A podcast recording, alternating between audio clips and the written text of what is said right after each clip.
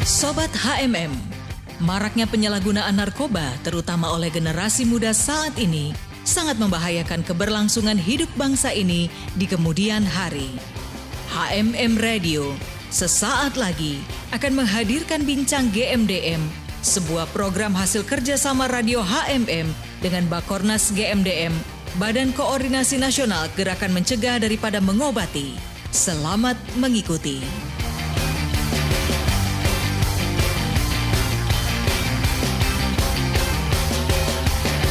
Dari kawasan Sentul Bogor, Indonesia, HMM Radio Praise and Worship in Unity. Joy Full Time hadir kembali bersama saya Obet yang akan temani Anda. Dan seperti biasa juga dalam program ini, Sobat HMM, di hari yang spesial ini menghadirkan talk show dengan GMDM, Garda Mencegah dan Mengobati. Topik hari ini membahas tentang pentingnya peran serta guru dan dosen tentang narkoba harus terus ditingkatkan. Sudah bergabung via Zoom narasumber kami hari ini dari GMDM ada Bung Ibob David. Ya, Shalom Bung Ibob. Shalom Bung Obed, Shalom iya. Sobat HMM Radio di mana pun berada, Shalom semuanya. Oke, terima kasih Bung Ibob sudah mau bergabung kembali di HMM Radio. Sama-sama. Tidak bosan-bosannya. Sama-sama. Iya, Puji Tuhan.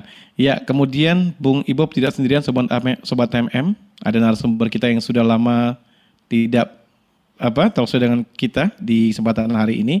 Langsung saya akan saya sapa ada Bung Wisnu Danu Kencana. Shalom Bung Wisnu, selamat bergabung. Shalom Bung Obed, Shalom sahabat dari HMM Radio di mana Anda berada. Jumpa lagi dengan saya. Iya, puji Tuhan. Terima kasih nih Bung Wisnu sudah mau bergabung kembali. Pastinya Sobat HMM juga sangat senang nih. iya. Nah, Bung Wisnu nih, karena sudah lama nih tidak berbincang-bincang nih, apa saja nih kegiatannya selama ini? Apalagi situasi pandemi ini. Silakan. Uh, masih tetap mengajar via Zoom karena hmm. memang belum diizinkan untuk tatap muka. Lalu ya masih sibuk-sibuk dengan tugas-tugas uh, akhir kuliah Oh begitu. Jadi masih terus bedah buku nih kayaknya. Biasanya kan begitu karena sempat beberapa waktu lalu yang kita sempat berbincang-bincang ya Bung Wisnu ya. Mulai kembali membuka-buka catatan-catatan lama, buku-buku yang pernah dibaca. Ada lagi sesuatu pengetahuan yang baru begitu ya Bung Wisnu ya iya begitu. Hmm. Untuk kita gali terus supaya semakin ditingkatkan sesuai judul hari ini tuh, eh tema hari ini. Tema hari Harus ini. Harus ditingkatkan kan. Betul. Nah jadi memang pas sekali nih narasumbernya. Karena Bung Wisnu juga kan terlibat di pendidikan juga ya, mengajar yeah. sebagai dosen pastinya sangat uh, mengedukasi nanti informasi yang akan dihadirkan dalam topik kita hari ini pentingnya peran serta guru dan dosen tentang narkoba harus terus ditingkatkan. Baik, terima kasih Bung Wisnu untuk perkenalannya. Saya langsung saja ke Bung Ibob terlebih dahulu nih. Bung Ibob, ini kan topiknya sudah saya sebutkan tadi ya. Dan saya coba uh, ulangi lagi supaya Sobat HMM juga bisa paham tentang pentingnya peran serta guru dan dosen tentang narkoba harus terus ditingkatkan. Nah, peran seperti apa nih yang harus ditingkatkan, Bung Ibob? Silakan. Ya, uh, guru dan dosen sangat penting dalam uh, suatu uh, pendidikan di sebuah uh, institusi sekolah ataupun kampus, di mana uh, tidak hanya mengajar uh, seperti umumnya atau materi pelajaran umumnya, tapi ketika bicara tentang penyalahgunaan narkoba, maka akan ada namanya P4GN, itu tentang pengetahuan uh, penyalahgunaan uh, peredaran barang-barang uh, apa narkoba yang ada di, sekitar generasi muda, baik pelajar maupun juga mahasiswa yang ada. Nah, pentingnya ini ditingkatkan itu mungkin salah satunya adalah kata aware, perhatian. Hmm. Dan kedua, mengetahui ciri-ciri ataupun uh, tanda-tanda seseorang uh, murid atau siswa yang mungkin memakai narkoba ataupun juga hal-hal tentang pengetahuan bagaimana pencegahan, penanggulangan yang ada ketika menemukan hal ini di institusi yang ada seperti sekolah ataupun juga kampus. Paling yang keempat ada bagaimana penanganannya sendiri tentang bagaimana uh, rehabilitasi anak-anak ini harus dibawa ke mana. Jangan sampai salah atau seperti dimasukkan ke penjara atau seperti apa. Harusnya justru dibantu, ditolong untuk dipulihkan. Seperti itu Bung Obed. Iya Bung, iya Bung Ibob. Nah saya coba ke Bung Wisnu ini, karena Bung Wisnu kan memang uh, seorang dosen. Betul. Dan saat ini juga beliau walaupun lagi pandemi, ya beliau tetap mengajar secara online. Nah, Bung Wisnu, dengan apa yang disampaikan oleh uh, Bung Ibob tadi, apakah itu memang hal-hal yang harus ditingkatkan nih dalam uh, peran seorang guru atau dosen untuk mewaspadai yang namanya bahaya narkoba ini? Silakan, Bung Wisnu. Iya, betul sekali. Uh, tepat apa yang dikatakan uh, rekan kita tadi, bahwa kepedulian kita untuk untuk hal-hal yang seperti itu harus ditingkatkan bahkan eh, apa namanya waktu sebelum ini agak sulit di dalam kondisi pandemi ini agak sulit tetapi eh, bersyukurnya tatap muka ini kan eh, atau kita belajar sekarang ini kan dari dari rumah jadi eh, banyak yang terpantau oleh uh, keluarga mereka banyak yang terpantau uh, mahasiswa dikembalikan ke rumah masing-masing apalagi yang uh, di asrama, ya yang kos juga uh, di, di, dipulangkan dari kosnya dan tidak bisa uh, tidak boleh ada di tempat kos dan mereka harus ada di keluarga masing-masing. Jadi uh, ini uh, mereka terpantaunya ya dari keluarga. Namun kita juga dari dari sekolah atau dari dari institusi pendidikan tidak tinggal diam. Kita uh, membuat juga pertemuan seperti ini kayak kita sekarang ini dengan media Zoom kita tetap menjalankan apa namanya unit kegiatan mahasiswa UKM ya UKM unit kegiatan mahasiswa nah unit kegiatan mahasiswa inilah yang eh, salah satu cara ya salah satu cara untuk kita bisa eh, diskusi bisa menyampaikan buah pemikiran di dalam Hmm. kegiatan dan aktivitas kita hari-hari supaya uh, bisa me, apa, meminimalisir lah penyebaran penyebaran dan uh, pengaruh-pengaruh buruk dari narkoba itu sendiri. Kira-kira ya, begitu ya.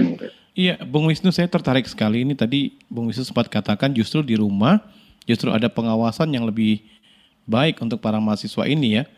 Pasti mereka diharapkan tentunya tidak terlibat dengan yang namanya narkoba ini.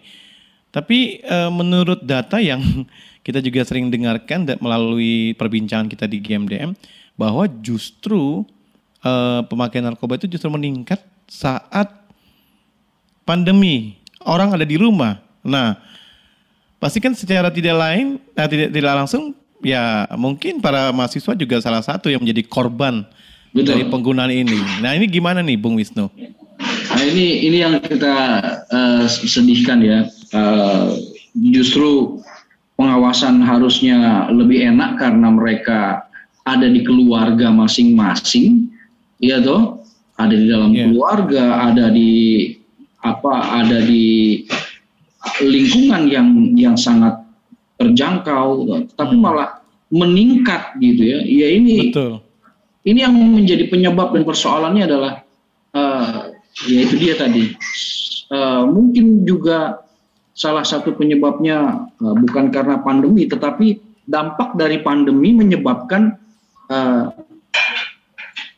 si A si B si C-nya ini oknum-oknumnya ini mengalami suatu depresi yang tinggi sehingga me, apa larinya ke ke hal-hal yang seperti itu. Hmm. Namun saya uh, mensyukuri itu tadi kita akhirnya kita coba mensiasati ya mensiasati bagaimana kita kita mencoba melakukan penanggulangan lebih lagi ya jangan ya. sampai di sana gencar kita nggak gencar gitu untuk Betul. untuk bicara apa penanggulangannya. Nah itu salah satu penanggulangannya. Kami tetap mengadakan uh, pertemuan pertemuan pertemuan untuk uh, unit kegiatan mahasiswa itu uh, sebulan sekali. Dan dan dan bersyukur ada beberapa kali bisa kami buat beberapa kali kami lakukan uh, dalam dalam UKM ini. Dan akhirnya uh, bulan ini berapa hari yang lalu kami lakukan.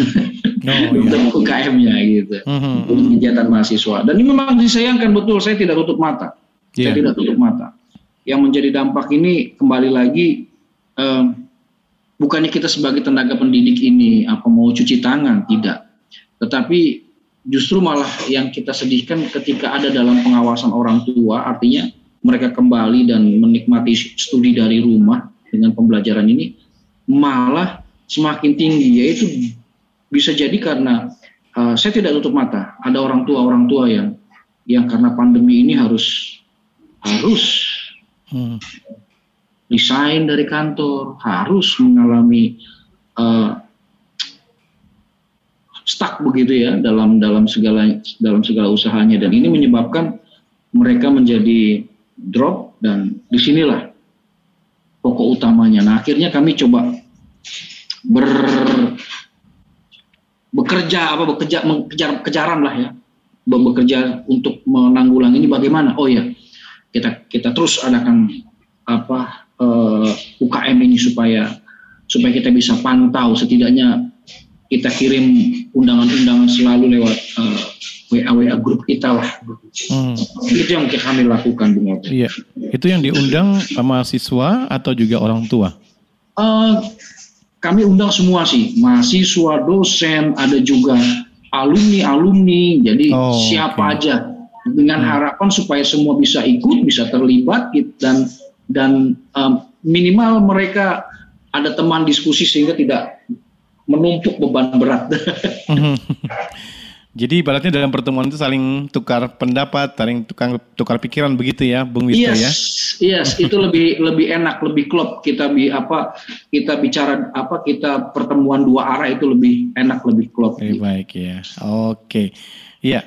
Saya sebentar akan setelah dari Bung Wisnu saya sebentar akan ke Bung Ibob ya kan karena sempat ada berita enam mahasiswa terlibat dalam uh, pemakaian narkoba justru saat pandemi.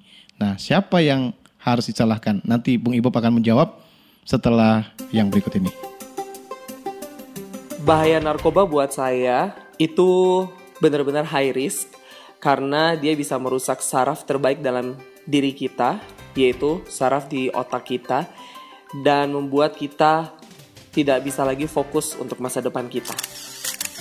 Narkoba sangat berbahaya karena bisa merusak mental dan psikis si pemakai dan hal itu bisa berdampak pada keluarga dan lingkungan si pemakai.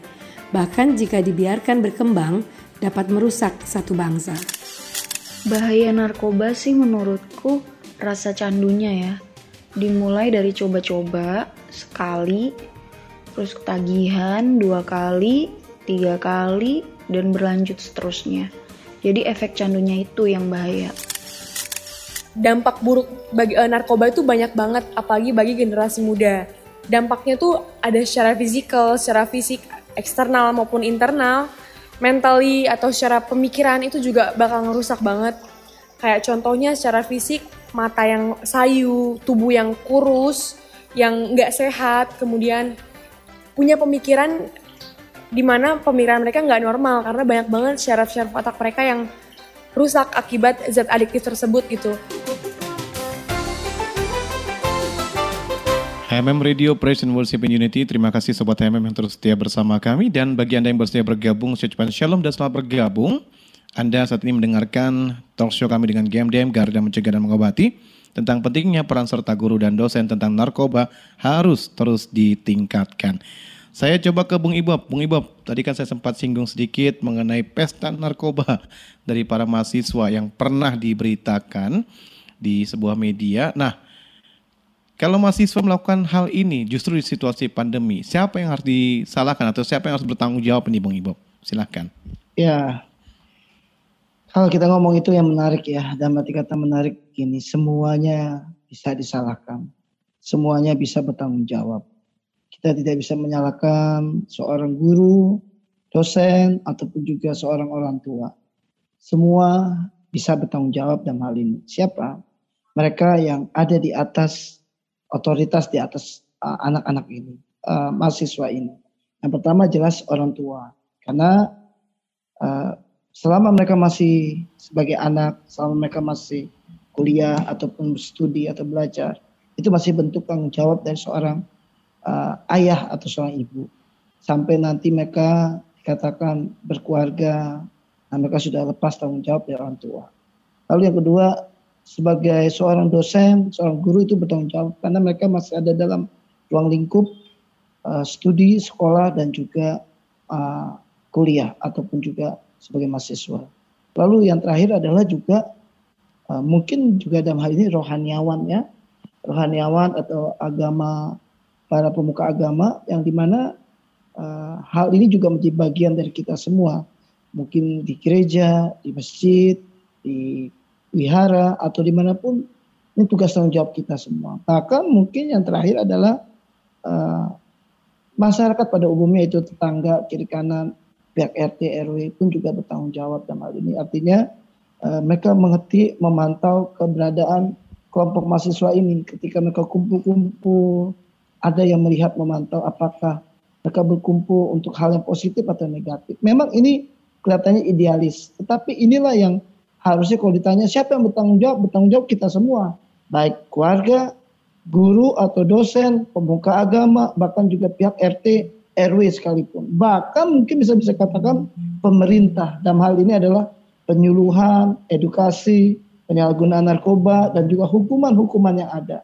Jadi kalau Bung Obet tanya siapa yang bertanggung jawab, ya banyak termasuk maaf diri mereka sendiri.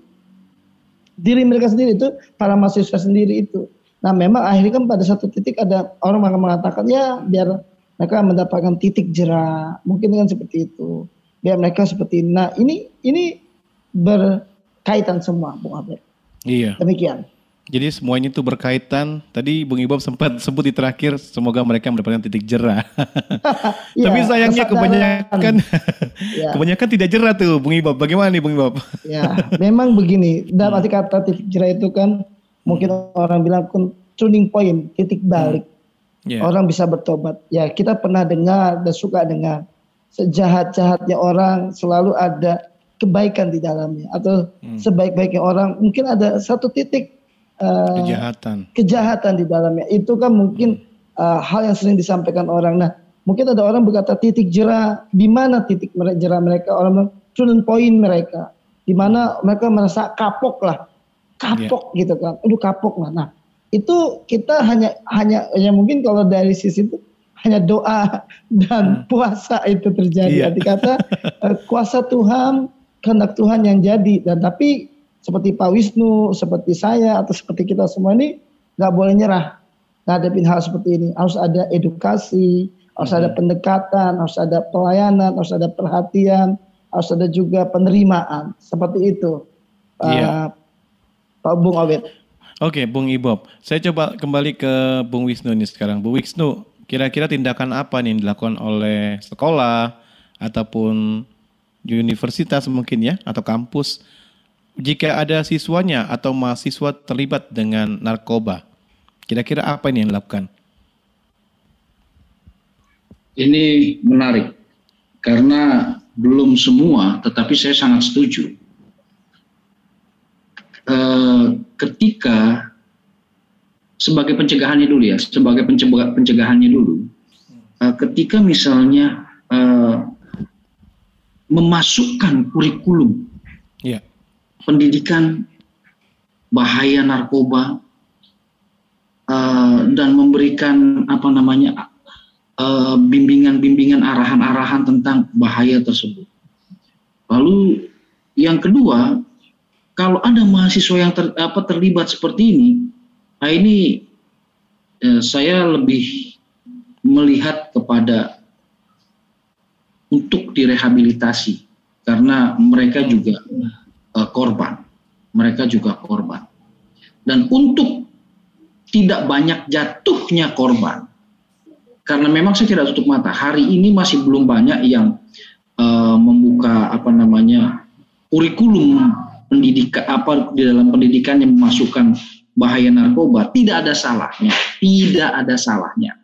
Misalnya di unit kegiatan mahasiswa itu uh, macam macam-macam bentuknya ya. Uh, entah itu kalau dari dari kampus itu ada ada dari kejuruannya masing-masing atau jurusannya masing-masing atau dari fakultasnya masing-masing ya.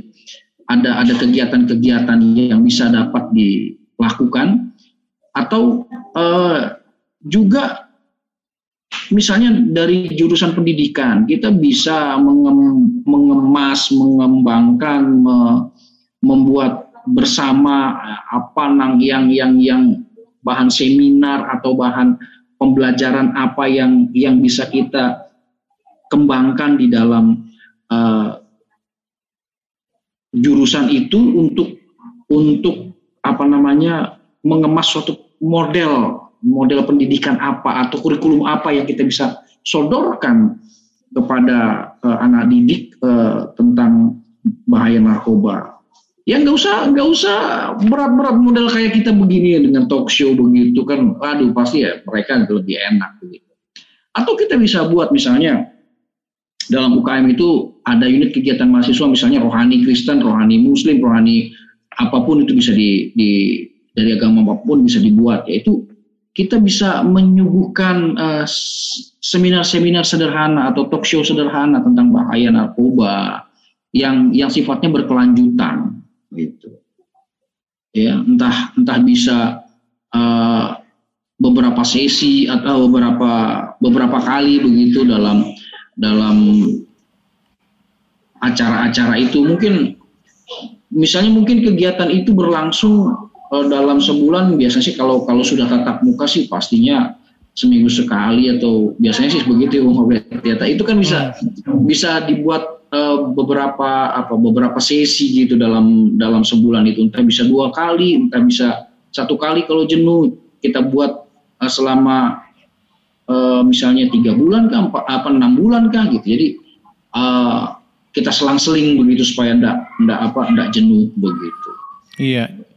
Jadi kira-kira seperti itu pak apa Bung Obed dari apa yang bisa iya. saya bagikan saat ini jadi memang hal-hal yang tadi disampaikan oleh Bung Wisnu diharapkan itu bisa ibaratnya mengatasi ya untuk uh, mahasiswa atau siswa agar tidak uh, jauh ataupun terlibat dalam yang namanya penyalahgunaan narkoba atau pengguna narkoba.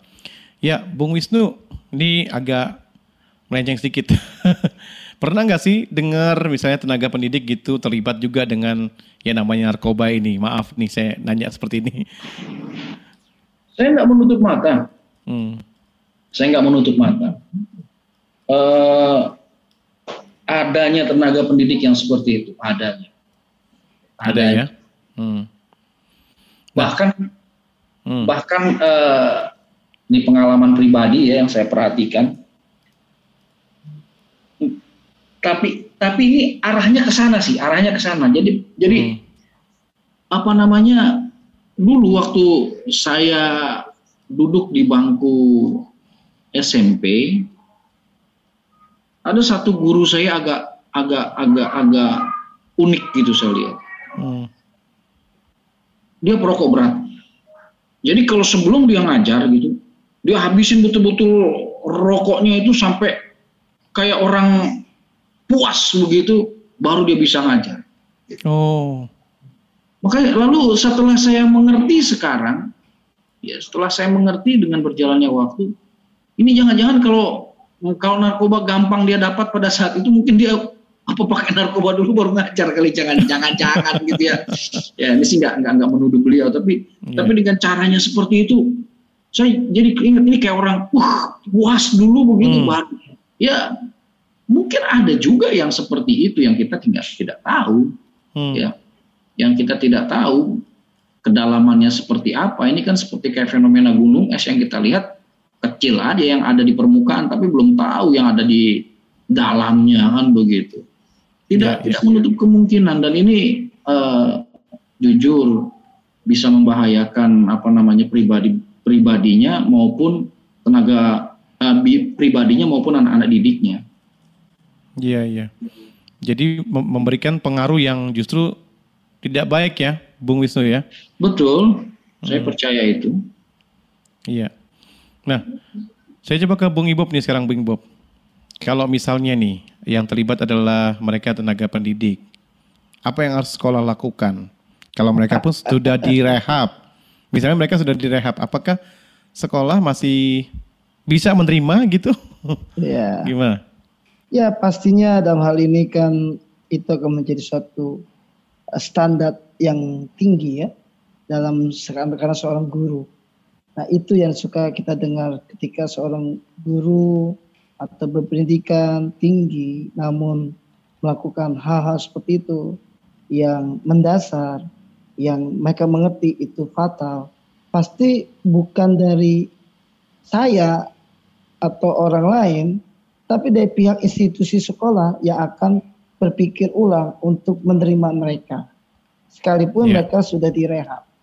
Karena apa? Anda bicara tentang mungkin biasanya nama baik institusi itu, orang tersebut. Nah, itu yang akan menjadi pemikiran Bung Obed. Tapi yeah. kalau seandainya uh, kepala sekolah ataupun petinggi yayasannya mungkin kayak Pak Wisnu, saya mungkin kita masih bisa terima. Hmm. Luar biasa nih. ya mungkin karena dari yeah. sisi kerohanian, hmm. dari sisi kerohanian, agama ya. hmm. seperti itu paling. Iya, mungkin nanti bisa Bung Ibob jelaskan lebih ya. detail ya. lagi. Tapi kita izinkan dulu yang mau lewat berikut ini. Tetap di HMM Radio Present Worship in Unity. Keluarga menurut saya adalah sebuah organisasi sosial terkecil yang ada di dalam masyarakat, di mana di dalamnya terdiri dari ayah, ibu, dan anak-anaknya. Di sanalah manusia dibentuk, di sanalah manusia dididik, dan di dalam keluargalah manusia diperlakukan layaknya sebagai manusia.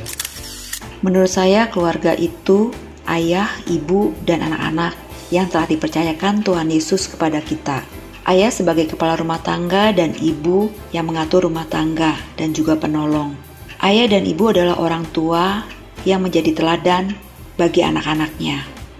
Amsal 15 ayat 33, takut akan Tuhan adalah didikan yang mendatangkan hikmat dan kerendahan hati untuk mendahului kehormatan. Menurut aku keluarga itu segalanya. Keluarga itu um, fondasi dari semua hal yang ada dalam hidup kita. Jadi kayak nilai-nilai kekristenan atau nilai-nilai apa pun yang kita jalanin saat ini itu fondasinya awal itu dari ditanamin oleh keluarga kita sendiri. MM Radio Present Worship in Unity. Sangat menarik topik kita hari ini Sobat MM tentang pentingnya peran serta guru dan dosen tentang narkoba harus terus ditingkatkan. Ada Bung Ibob dan juga Bung Wisnu yang sudah luar biasa menjelaskan panjang lebar nih Sobat MM. Bahkan tentang peran sebagai tenaga pendidik kalau misalnya ada siswa atau mahasiswa yang terlibat narkoba. Bahkan institusi pun harus melakukan apa untuk mereka yang terlibat narkoba. Nah, saya tadi menarik tuh Bung Ibob tadi. Sebelum kita rehat tadi ya Bung Ibob sempat sampaikan kalau saya ketua yayasannya ya ataupun saya pemilik sekolah ya mungkin saya pasti akan tetap menerima misalnya atau ada siswa atau mahasiswa atau bahkan tadi dosen atau guru yang terlibat narkoba. Ini saya coba mau tanya nih Bung Ibob alasannya apa ini? Iya, menarik ya karena begini pada prinsipnya kan uh, seperti teman-teman tahu bahwa GMDM ini garda mencegah dan mengobati ini kan prinsipnya adalah memanusiakan manusia. Hmm. Menerima setiap orang yang pernah jatuh dalam hal ini kembali pulih dan bisa kembali mencapai tujuan dalam hidupnya, menjadi seseorang yang berarti dan berguna dan bagi bangsa dan negara. Jadi kalau kita uh, ada di rehab kemarin minggu lalu mungkin bicara tentang konselor atau apa pun. Nah ini penting kalau teman-teman bisa ingat bahwa seorang konselor itu melayani orang-orang ini hingga pulih. Jadi ketika seseorang kita tahu pulih, Bung Obed, dilayani pulih, ya pasti ada yang namanya kesempatan yang kedua atau kesempatan berikutnya, Bung Obed. Nah, bagaimana seseorang bisa tampil kalau tidak ada kesempatan, Bung Obed? Nah, ini penting. Nah, ini dibutuhkan adalah satu keberanian, kedua kepercayaan. Nah itu yang dilakukan oleh almarhum Bapak Pendeta Jepri Tambayong atau Ketua GMDM sebelumnya. Yang kalau saya dengar berkali-kali mungkin orang yang dia terima itu jatuh lagi, bangun lagi, sama kayak lagu jatuh bangun aku gitu kan. Nah hal seperti itu yang memang GMDM lakukan Bung Obed. Jadi memberikan kesempatan, kepercayaan untuk orang itu bisa bangkit dan pulih kembali. Itu aja Bung Iya, luar biasa nih Bung Ibob seperti itu. Nah, apakah Bung Wisnu sependapat nih dengan apa yang disampaikan oleh Bung Ibob walaupun orang sudah terlibat narkoba, baik itu mahasiswa, siswa, para dosen atau tenaga pendidik, tetap diterima nih kalau Bung Ibob sebagai ketua yayasan katanya gitu. Kalau Bung Wisnu gimana? Silakan. Emang ini hal yang menarik. Um, kembali ketika kita berbicara memanusiakan manusia itu harus harus juga fair, ya kan? Uh, kalau kita lihat mahasiswa yang berperilaku dalam tanda kutip agak sedikit buruk, misalnya bukan narkoba lah, bukan yang lainnya mungkin melakukan pelatihan atau hal-hal yang lain, itu kita terima dalam koridor-koridor tertentu. Kenapa kok uh, anak didik kita yang dalam tanda kutip salah arah bahkan menjadi korban setelah mengalami pemulihan, mengalami uh, apa namanya rehabilitasi, kenapa kita nggak terima? Hmm. Walaupun memang perlu catatan-catatan tersendiri, artinya begini, setelah dia uh, terkena itu kan ada banyak hal yang harus dia bereskan tuh. Yes, iya, ketika betul. pada ketika dia harus direhabilitasi, entah dia harus mengambil jalur caranya cuti kuliah dulu atau atau seperti apa itu teknisnya lah ya. Nah, hmm. tapi itu harus dia dia kerjakan. Gitu tetapi dia harus kerjakan supaya uh, menunjukkan bahwa dia pun mau memperbaiki dirinya, dia pun menunjukkan usahanya untuk untuk membangun gitu.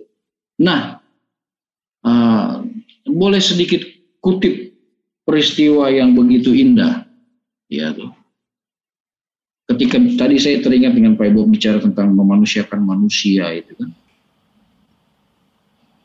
Ketika Onesimus diangkat kembali oleh Paulus hmm. dan dipertemukan kembali oleh uh, majikannya yaitu Filemon. Paulus punya hak memerintah Filemon untuk menerima Paul, untuk menerima Onesimus. Tetapi Paulus mengatakan bukan meminta, bukan memerintah, dia meminta. Meminta kepada si Filemon untuk menerima Onesimus kembali. Nah, ini kan jelas. Paulus tidak membuang orang. Paulus sangat rendah hati. Paulus uh, membuat dirinya setara baik terhadap Onesimus yang dianggap orang hmm. sudah berbuat salah dan tidak berguna untuk mengangkat harkat martabat Onesimus di hadapan Filemon. Nah, contoh sudah ada. Masa kita tidak bisa sih melakukannya, ya, tetapi memang pasti akan ada kontroversial di dalamnya. Tetapi bagi saya sesuatu yang indah kalau sudah ada contohnya. Kenapa kita nggak mengembangkan itu untuk sama-sama memanusiakan manusia? Begitu Bung Obed. Iya, pastinya tadi ada pertentangan kata Bung Wisnu ya, kontroversial. Ya, memang itu yang terjadi karena memang tidak mudah biasanya ya Bung Wisnu ya, seorang untuk menerima kembali mereka yang pernah terlibat dalam narkoba. Apalagi mereka adalah tenaga pendidik ataupun juga iya, uh, pendidik itu sendiri pasti ada pertentangan. Tapi dengan apa yang Bung Wisnu sampaikan itu mungkin akan mengubah ataupun membuka pola pikir orang-orang yang saat ini mendengarkan. Mungkin sobat MM juga bisa memahami bahwa kita hidup juga harus memanusiakan orang lain ya kan? Kalau GMDM selalu bilang uh, kembali menciptakan mereka sebagai manusia seutuhnya Bener nggak Bung Ibob? Iya. Saya coba ke Bung Ibob ini, Bung Ibob, bagaimana nih caranya GMDM untuk menjalin kerjasama dengan para pendidik, ya kan, entah itu ya. universitas ataupun juga sekolah-sekolah untuk yang melakukan penyuluhan tentang bahaya narkoba ini. Silakan, Bung Ibob. Ya, uh, puji Tuhan, syukur alhamdulillah bahwa memang GMDM dengan uh, dinas pendidikan khususnya di DKI Jakarta, Jabodetabek sangat aktif berkoordinasi, hmm. bahkan sedang mengadakan penyuluhan P4GN di sekolah-sekolah. Jadi memang uh, caranya adalah kami datang ke sekolah ataupun juga ke dinas pendidikan ataupun sekolah tersebut kita bekerja sama untuk mengadakan penyuluhan, uh, pencegahan penyalahgunaan narkoba, Bung Obed. Jadi yeah. ini ini ini yang dilakukan terus menerus oleh GMDM. Dan tahun ini cukup banyak uh, jadwal yang ada oleh yang saya tahu di GMDM untuk masuk ke sekolah-sekolah. Seperti itu Bung Obed. Hmm, jadi memang uh, GMDM mulai bergerak nih. Go Betul to campus. Betul, go to campus ya? dan go to school ya. Kebanyakan memang di SMP, SMA yang cukup rawan. Hmm. Uh, kalau kampus itu kan udah mulai dewasa, yang paling awal paling dini ya mungkin SD, SMP, wah itu SMA itu yang penting. Penting, Lalu ya. kampus juga pun penting, tapi tadi dari awal pencegahannya itu dilakukan. Kalau untuk kampus kan sudah kedewasaan mereka sudah bertumbuh, hmm, sudah banget. Sudah bertumbuh. Iya. Saya coba ke Bung Wisnu nih sekarang. Bung Wisnu, ini kita sudah berada di penghujung dari talkshow kita. Eh, cepat ya? Ini cepat Bung Wisnu. Saya juga kaget juga ini. Kayaknya sudah pengen nah. bincang-bincang terus tapi karena waktu ini membatasi kita nih Bung Wisnu. Uh, Bung dipotong ya. sama Bung Salem kayaknya. iya, apalagi udah ada kode keras tuh. iya, mungkin Bung Wisnu bisa kasih statement nih tentang topik ya. kita ya. pentingnya peran serta guru dan dosen tentang narkoba harus terus ditingkatkan. Silakan Bung Wisnu. Peredaran dan penyalahgunaan untuk membatasi atau dalam tanda bukan membatasi ya uh, untuk merusak anak bangsa itu semakin masif. Ya, peredaran narkoba, pemakaian narkoba itu semakin masif dengan berbagai cara. Ya. Mari saudaraku, kita sebagai tenaga pendidik jangan kalah cepat dengan peredaran tersebut, hmm. dengan penyalahgunaan tersebut kita harus lebih cepat membuat inovasi, memikirkan inovasi, menyampaikan pembelajaran demi pembelajaran yang mudah, yang bisa diserap, yang bisa dimengerti oleh anak didik kita, sehingga mereka memahami betapa beratnya kalau sudah jatuh dan untuk lepas dari bahaya narkoba. Hmm. Karena itu jerat yang sangat menggurita kalau boleh saya katakan. Ya. Hmm. Jerat yang uh, sangat menyulitkan kehidupan kita. Mari kita siapkan pemikiran-pemikiran dan ide-ide cemerlang untuk menyuguhkan pemahaman-pemahaman yang sangat mudah bagi generasi bangsa ini. Selamatkan generasi bangsa ini supaya tetap bersinar, bersih dari narkoba. Luar biasa. Jadi jangan kalah cepat ya Bung Wisnu ya. Siap. Luar biasa. Semangat terus Bung Wisnu dan juga para tenaga pendidik tentunya. Ya, Bung Ibob mungkin bisa tutup kita dalam doa nih Bung Ibob. Kita doakan untuk uh, GMDM, kemudian juga Sobat HMM yang mendengarkan saat ini dan juga HMM Radio. Silakan Bung Ibob. Baik, kita berdoa. Bapak terima kasih untuk siaran yang Tuhan berikan untuk kami. Kesempatannya ada. Terima kasih buat HMM Radio Tuhan terus pakai semakin dahsyat untuk banyak memenangkan jiwa bagi kemuliaan Tuhan. Banyak orang dipulihkan, diubahkan, dan diperbaharui. Juga berkati GMBM sebagai pergerakan garda mencegah dan mengobati untuk betul-betul banyak orang mengalami pemulihan, kelepasan, dan juga solusi jalan keluar bagi mereka yang terikat dengan narkoba yang ada. Tuhan tolong, Tuhan pakai, KMDM bersama staf dan jajaran yang ada di pusat maupun di DPD bahkan di DPW yang ada di seluruh Indonesia. Yeah. Tuhan berkati. Bahkan juga berkati untuk sobat HMM yang mendengar hari ini Tuhan Tuhan jamah, Tuhan lawat, Tuhan pulihkan mereka. Tuhan lepaskan dan Tuhan berubah. Di dalam nama Tuhan Yesus, kami sudah berdoa ucap syukur. Amin. Amin. Baik, terima kasih Bung Ibob. Terima kasih juga yes. Bung Wisnu untuk yes. uh, kesempatannya sudah mengedukasi sobat HMM dan tentunya apa yang sudah disampaikan tentunya boleh sama-sama kita wujud nyatakan sehingga bisa melawan yang namanya narkoba di dunia pendidikan dan terus maju tentunya untuk memberantas hal ini, berjuang bersama. Baik, Anda telah mengikuti perbincangan dengan GMDM Garda Mencegah dan Mengobati dengan topik pentingnya peran serta guru dan dosen tentang narkoba harus terus ditingkatkan. Informasi tentang GMDM dapat menghubungi di 021 866 15552 021 866 15552. Nantikan perbincangan kami selanjutnya bersama GMDM dengan topik menarik seputar penyalahgunaan dan pemberantasan terhadap narkoba untuk menciptakan Indonesia bersinar bersih dari narkoba. Sobat HMM, Anda baru saja mengikuti Bincang GMDM, sebuah program hasil kerjasama Radio HMM dengan Bakornas GMDM, Badan Koordinasi Nasional Gerakan Mencegah Daripada Mengobati Terima kasih atas kebersamaan Anda. Sampai jumpa.